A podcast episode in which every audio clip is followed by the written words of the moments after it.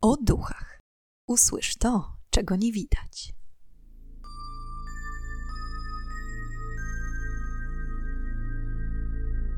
Witam i pytam, czego dusza pragnie.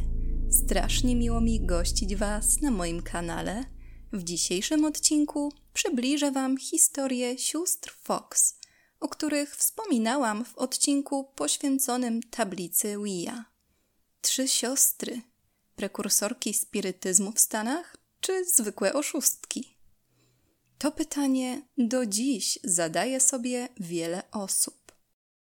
Przyznam, że czytając ich historię, miałam wrażenie, że jest strasznie pogmatwana, ale postaram się Wam przedstawić wszystko jak tylko się da, po kolei. Na wstępie chciałam również podziękować za wszystkie subskrypcje, łapki oraz miłe komentarze. Super jest wiedzieć, że podoba Wam się to, co nagrywam. Zatem, bez przedłużania, zapraszam do wysłuchania dzisiejszej historii. Siostry urodziły się w Kanadzie, jednak rodzina Fox dość szybko postanowiła na stałe przenieść się do Stanów Zjednoczonych, do Nowego Jorku.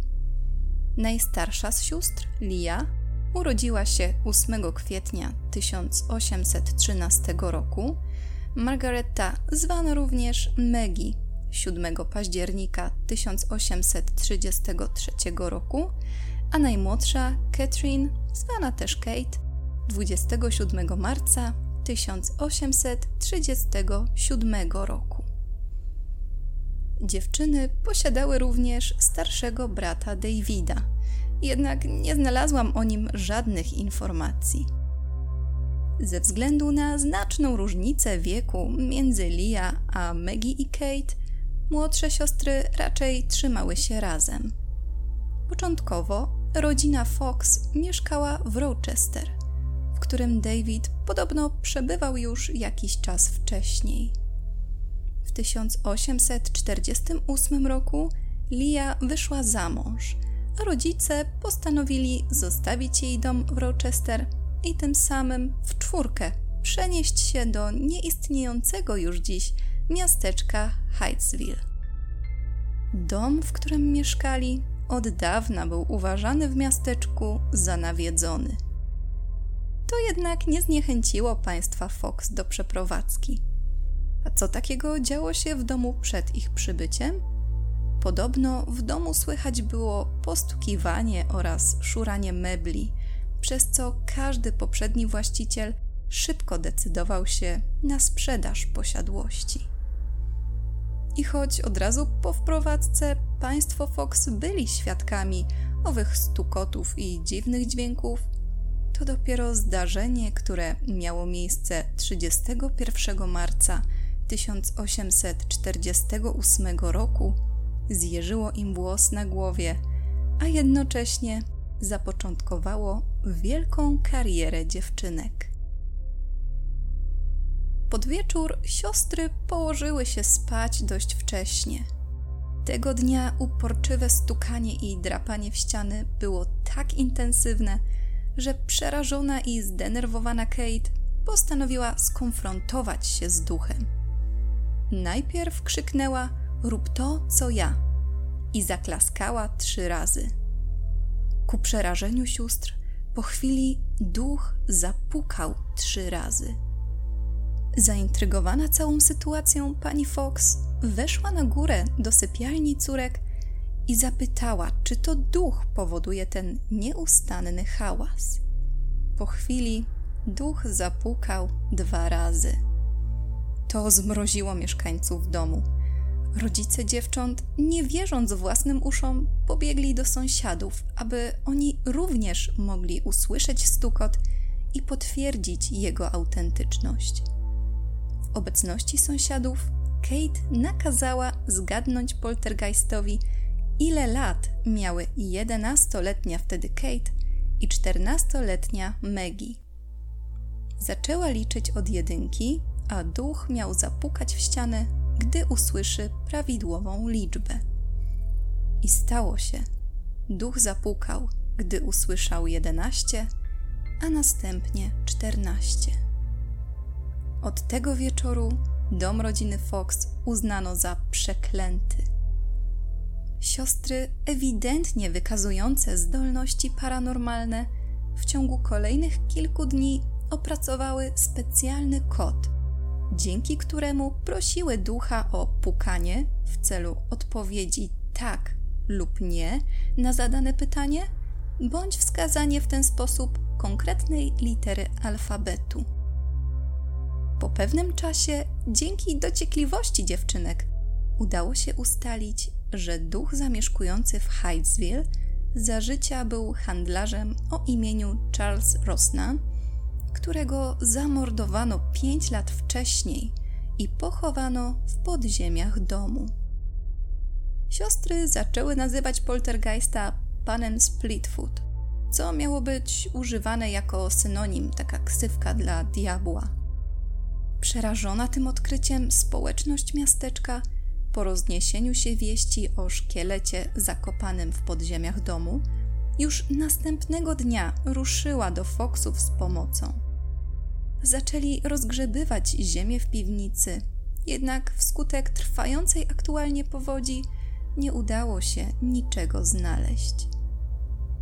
Jednak jeśli słuchaliście odcinka Ouija, to wiecie, że w 1904 roku, już po śmierci sióstr, dzieci nowych właścicieli domu, podczas zabawy w piwnicy odkryły kości zamurowane w ścianie. Po odkryciu ducha w domu Foxów rodzice postanowili, że na jakiś czas dziewczynki zamieszkają u swojego starszego rodzeństwa w Rochester. Kate trafiła do domu Lia, wtedy już Lia Fox Fish, a Maggie do Davida. Co ciekawe, przerażający stukot podążył za nimi. Po kilku tygodniach od przeprowadzki wieść o dziwnych zdarzeniach dotarła do państwa Amy i Isaaca Postów, wieloletnich przyjaciół państwa Fox. Małżeństwo będące parą zagorzałych kwakrów, w skrócie kwakrzy to odłam chrześcijaństwa, w którym wierzący deklarują codzienny i bezpośredni kontakt z Bogiem za sprawą światła wypełniającego ich serce.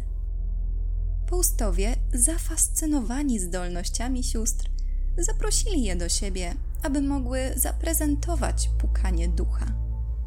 Te z chęcią odwiedziły przyjaciół. Poustowie, podobnie jak wcześniej rodzice i sąsiedzi, oni mieli z wrażenia. Obiecali też szepnąć słówko pozostałym członkom wspólnoty, aby nagłośnić nieco to zjawisko. I to poskutkowało. O dziewczynkach zaczęło się robić coraz głośniej. Dzięki temu już 14 listopada 1849 roku, nieco ponad rok po odkryciu nadprzyrodzonych zdolności, siostry po raz pierwszy odbyły biletowany pokaz swoich umiejętności w Corinthian Hall w Rochester. Całe przedsięwzięcie zostało zorganizowane przez Amy i Isaaca Postów, a wzięło w nim udział ponad 400 osób. Zaciekawiona publiczność była świadkiem pukania duchów i z zapartym tchem nasłuchiwała odpowiedzi na kolejne pytania. Tym występem zagwarantowały sobie rozpoznawalność w całym kraju – jednocześnie tworząc prężnie działający później ruch spirytualistyczny. W tym czasie u najstarszej siostry Lia rozegrał się osobisty dramat. Została młodą wdową i była skazana od tej pory na życie w ubóstwie. Młodsze siostry, chcąc pomóc Lia, zaproponowały dołączenie do ich mistycznego duetu aby kobieta mogła zarobić na życie. I od tamtej pory Lia była menadżerką sióstr. Po pewnym czasie sama również miała przyznać, że zauważa u siebie zdolności paranormalne, ponieważ miała zacząć kontaktować się ze zmarłą córką postów. I jak się można domyślić, nagła kariera sióstr przyciągała zarówno rzesze zwolenników, jak i sceptyków. Dlatego też po jednym z seansów siostry zostały przebadane właśnie przez osoby niewierzące w ich zdolności. Podobno kazano dziewczynom się rozebrać, a następnie je związano, aby mieć pewność, że nie posługują się żadnymi rekwizytami i właśnie w taki sposób miały udowodnić swoje moce. Jakże musieli być zdziwieni sceptycy, gdy okazało się, że mimo wszystko stukanie pojawiło się za każdym razem, gdy dziewczyny zadawały pytania. Ale nie ma tego złego, co by na dobre nie wyszło. Po tym incydencie gazety w całym kraju zaczęły rozpisywać się na temat pukających spirytystek z Rochester. Nagłówki były przeróżne. Jedne nazywały je oszustkami, inne objawieniem stulecia.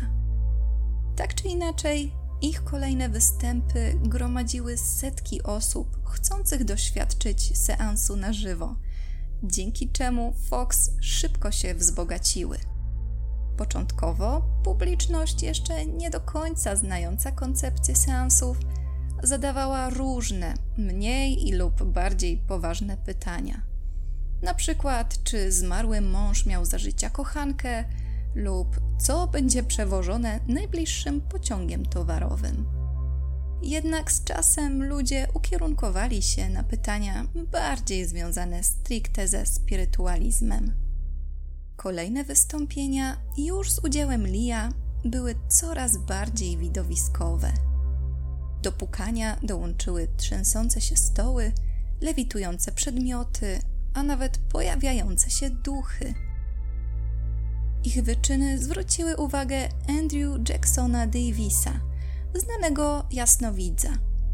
Rok wcześniej Davis napisał książkę, w której przepowiedział rozwój spirytualizmu, a pojawienie się sióstr Fox uznał za sukces swojego proroctwa. W związku z tym dziewczyny otrzymały wsparcie finansowe od jasnowidza i dzięki temu rozpoczęły profesjonalną trasę, aby móc rozpowszechniać swój dar. W 1850 roku wystąpiły w Barnum's Hotel, znajdującym się na Broadwayu, i były już wtedy na tyle popularne, że zaczęły przyciągać znane osobistości, a za odpowiednią opłatą oferowały seanse indywidualne. Z takiej możliwości postanowili skorzystać m.in.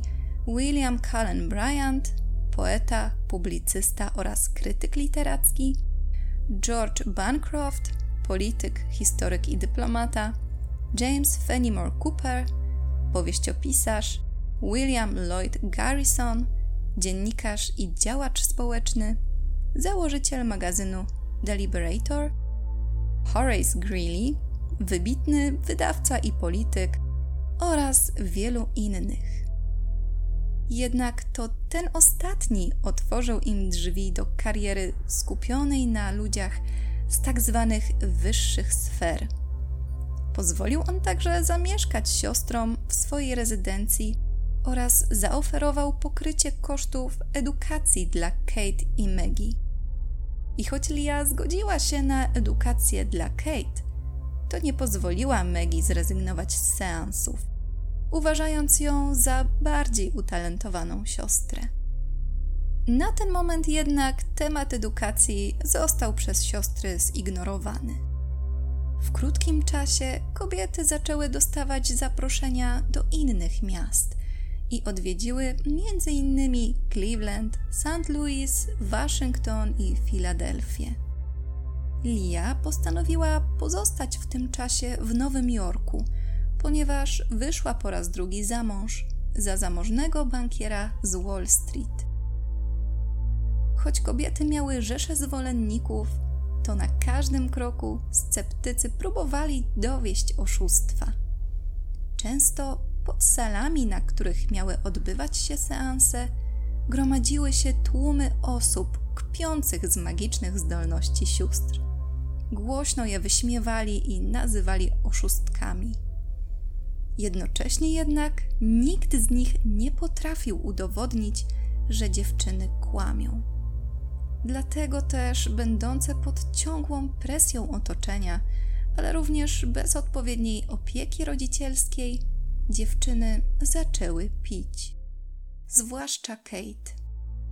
Nie pomagało w tym również bywanie na salonach, gdzie alkohol zapewne lał się strumieniami. Kolejne długie lata, można śmiało powiedzieć, że były już powolnym upadkiem kariery spirytystek z Rochester. Błyskawiczna kariera długo się rozpadała. W 1851 roku pani Norman Culver, krewna rodziny Fox, wyznała, że pomagała siostrom podczas seansów. Co takiego robiła? Wcześniej podpytywała uczestników seansu o pytania, jakie będą chcieli zadać duchom, i próbowała też wyciągnąć od nich odpowiedzi. Następnie Calvert dotykała siostry w momencie, w którym duch powinien zapukać. Twierdziła również, że Kate i Maggie ujawniły jej metodę pukania, jaką dopracowały poprzez strzelanie kolanami, kostkami i palcami u nóg. Po tym wyznaniu na siostrach rozpoczęto serię badań oburzonych naukowców, którzy obrali sobie za punkt honoru udowodnić mistyfikację. Między innymi lekarz, pan Longworthy, zbadał siostry i zauważył, że stukanie zawsze było słychać pod stołem, w okolicach stóp i kolan, i zawsze wtedy, gdy ich nogi właśnie dotykały stołu. Doszedł przez to do wniosku, że Maggie i Kate same wydawały dźwięki, uderzając kolanami o blat lub właśnie strzelając palcami. Następnie John Hearn opublikował artykuł w New York Tribune opisując to badanie. Z kolei Dee Potts, chcąc udowodnić, że tak naprawdę każdy może wykonać tę sztuczkę z podobnym skutkiem, zademonstrował publiczności, jakie dźwięki wydają jego strzelające kostki. Po tej demonstracji powstał kolejny prześmiewczy artykuł opisujący, że owy stukot był tak głośny, że rozchodził się po całej sali. W tym samym roku trzej śledczy Austin Flint, Charles Lee i C.B. Coventry z Uniwersytetu z Buffalo próbowali udowodnić oszustwo sióstr, podkładając im pod stopy poduszki, aby nie mogły strzelić palcami. Badanie powiodło się, ponieważ w tym momencie stukotu nie było słychać. W 1852 roku, podczas jednego z występów, Maggie poznała swojego przyszłego męża, badacza Arktyki Elisha Kenta Kane'a. I choć Kane uważał Maggie za oszustkę, to zakochał się w niej po uszy. Gdy para zaczęła spotykać się na poważnie, Elish zaczął naciskać Maggie, aby porzuciła karierę spirytystki – mówiąc jej, że bierze udział w podłej intrydze ukartowanej przez Kate i Lia. Namawiał ją też na powrót do szkoły i zdobycie wykształcenia. I jako, że miłość jest ślepa, Maggie posłuchała ukochanego, tym samym na pewien czas porzucając dotychczasową karierę. Kate w tym czasie dalej występowała, ale jednocześnie przyjęła wcześniej wspomnianą propozycję od Horace'a i przez jakiś czas uczęszczała do prywatnej szkoły. Jednocześnie próbowała nawiązać kontakt ze zmarłym synem polityka. Między latami 1852-1872 wiadomo jedynie tyle, że w 1857 roku mąż Maggie, Elish Kane, zmarł kilka miesięcy po ślubie, który tak naprawdę nawet nie był prawdziwym ślubem, tylko potajemną, nielegalną ceremonią zorganizowaną w gronie przyjaciół. Powodem tego była niechęć i niezaakceptowanie Megi przez arystokratyczną rodzinę Keina, która uważała Fox za niegodną ich syna. Po śmierci męża Maggie zaczęła dużo więcej pić. Kate, w tym czasie również zmagająca się z problemem alkoholu, coraz częściej zawalała występy. W międzyczasie poznała swojego przyszłego męża, adwokata Henry'ego Jenkena, w niektórych źródłach opisywanego jako zagorzałego zwolennika spirytyzmu. Para zaczęła wspólnie dawać występy, co po świeżo zakończonej wojnie secesyjnej było bardzo opłacalne, ponieważ zrozpaczeni Amerykanie pragnęli kontaktu ze zmarłymi bliskimi. Nie mam pojęcia, co działo się w tym czasie z Lia. W 1871 roku Kate wyjechała razem z mężem do Anglii, aby tam prowadzić seanse dla zamożnych Brytyjczyków. Rok później Maggie została poproszona o pomoc przez samą pierwszą damę, Mary Todd Lincoln, która po stracie syna w 1862 roku pragnęła nawiązać z nim kontakt. Tym samym Maggie, mimo obietnicy złożonej Kane'owi przed śmiercią, wróciła do spirytyzmu. W 1873 roku Kate urodziła syna, Ferdynanda, który podobno już w wieku trzech lat odkrył, że jest medium i że duchy przejęły jego ciało, a z oczu bił mu niesamowity blask. Kate w sumie doczekała się dwóch synów. Podczas pobytu w Anglii została przebadana przez słynnego fizyka Williama Crookesa, który jako jeden z niewielu potwierdził autentyczność pukania duchów w obecności kobiety. W 1876 roku Maggie również wyjechała do Anglii, aby zamieszkać z siostrą. W 1881 roku mąż Kate zmarł. Pogrążona w żałobie kobieta oddała się całkowicie nałogowi alkoholowemu, przez co zaniedbywała dzieci. To też miało być powodem dużej kłótni Maggie i Kate z Lia oraz innymi spirytystami. Oskarżali oni kobietę za alkoholizm i za zaniedbania, zarówno w macierzyństwie, jak i w sferze zawodowej. Maggie całym sercem próbująca pomóc siostrze, stała po jej stronie, co tylko zaogniło konflikt. Zrujnowana fizycznie i psychicznie Kate postanowiła wrócić do Nowego Jorku w 1888 roku, gdzie została aresztowana za pijaństwo, a jej dzieci przejęła opieka społeczna. Maggie mocno walczyła o prawa do opieki nad synami siostry, jednak jej ich nie przyznano. Lia w tym czasie wyszła ponownie za mąż i odwróciła się już całkowicie od sióstr. Wszystkie tragedie nawarstwiające się w niedługim czasie w rodzinie Fox popchnęły Maggie do porzucenia spirytyzmu po raz kolejny. Twierdziła, że kariera, jaką osiągnęły siostry, jest diaboliczna i teraz los mści się za wszystko, czego dokonały. Doszło to do tego stopnia, że Maggie nawet próbowała odebrać sobie życie, jednak udało ją się uratować na czas.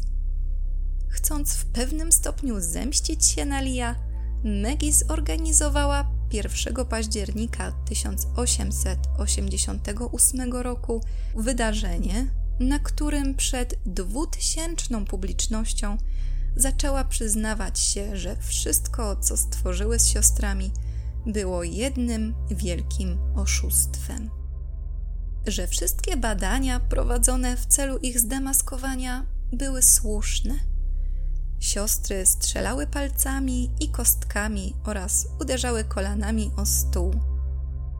Lia miała często rozpytywać siedzące na widowni osoby o szczegóły dotyczące duchów, które były wywoływane podczas wystąpień, a siostry często za cel obierały sobie wywoływanie duchów sławnych osób, aby móc przekazywać widowni informacje, na które każdy i tak znał odpowiedź. Podczas indywidualnych sesji Lia miała wcześniej wypytywać pokojówki o szczegóły dotyczące rodziny zmarłego. I że tak naprawdę to, co działo się w domu rodzinnym w Hydesville, też było mistyfikacją. Bo jako, że dom już wtedy miał opinię nawiedzonego, to dziewczynki postanowiły to wykorzystać. Zaczęły od przywiązywania jabłka do sznurka i uderzania nim o drewnianą podłogę, co dawało efekt tajemniczego pukania. Rodzice nie zdawali sobie sprawy ze sprytu swoich najmłodszych córek. Po przybyciu do Rochester i zamieszkaniu z Lia, przekazały jej, w jaki sposób wystraszyły rodziców i sąsiadów. Lia podobno wtedy poczuła, że może zbić na siostrach niezły interes i to ona zmuszała je do publicznych występów. Podczas wystąpienia Maggie na widowni siedziała także Kate, która na każde wyznanie siostry kiwała potwierdzająco głową. Po zakończeniu przemowy wśród zgromadzonych zapanował chaos. Głosy sprzeciwu mieszały się z kpiącym śmiechem sceptyków. Wiele osób wzięło wyznanie Maggie za brednie wypowiadane przez pijaczkę, ale nie brakowało również osób, które reagowały w stylu: Ha, a nie mówiłem? To wystąpienie niewątpliwie pogrzebało karierę sióstr. Niecały rok później, pod naciskiem kręgów spirytystycznych oraz Kate i Lia, Maggie postanowiła odwołać swoje słowa, mówiąc, że całe wydarzenie było przygotowane, aby zrobić na złość starszej siostrze. Następnie Kate i Maggie dalej próbowały swoich sił jako medium, ale już wtedy praktycznie zerowa ich reputacja nie pozwoliła na kontynuowanie kariery. Lia zmarła 1 listopada 1890 roku w wieku 77 lat. Kate zapiła się na śmierć i zmarła w swoim domu przy 609 Columbus Avenue w Nowym Jorku 3 lipca 1892 roku w wieku zaledwie 55 lat. Jej ciało odkrył jeden z synów. Niecały rok później, w wieku 60 lat, zmarła Maggie, która ostatnie miesiące swojego życia spędziła w domu spirytystki Emily Ruggles, nie mając przy sobie ani grosza. Wszystkie trzy siostry zostały pochowane na Brooklynie. Maggie i Kate razem na cmentarzu Cypress Hills, a Lia w rodzinnym grobowcu Foxów na cmentarzu Greenwood. I jest to koniec dzisiejszej, jakże smutnej historii prekursorek spirytyzmu. Wokół tematów paranormalnych kręci się wielu oszustów, chcących zarobić na łatwowierności i niestety tragediach rodzin. Jednak jak było z siostrami Fox? Kłamały? A może po prostu nastolatki zostały zmanipulowane przez starszą siostrę? Lub kto wie, może jednak były to prawdziwe spirytystki posiadające nadnaturalną moc?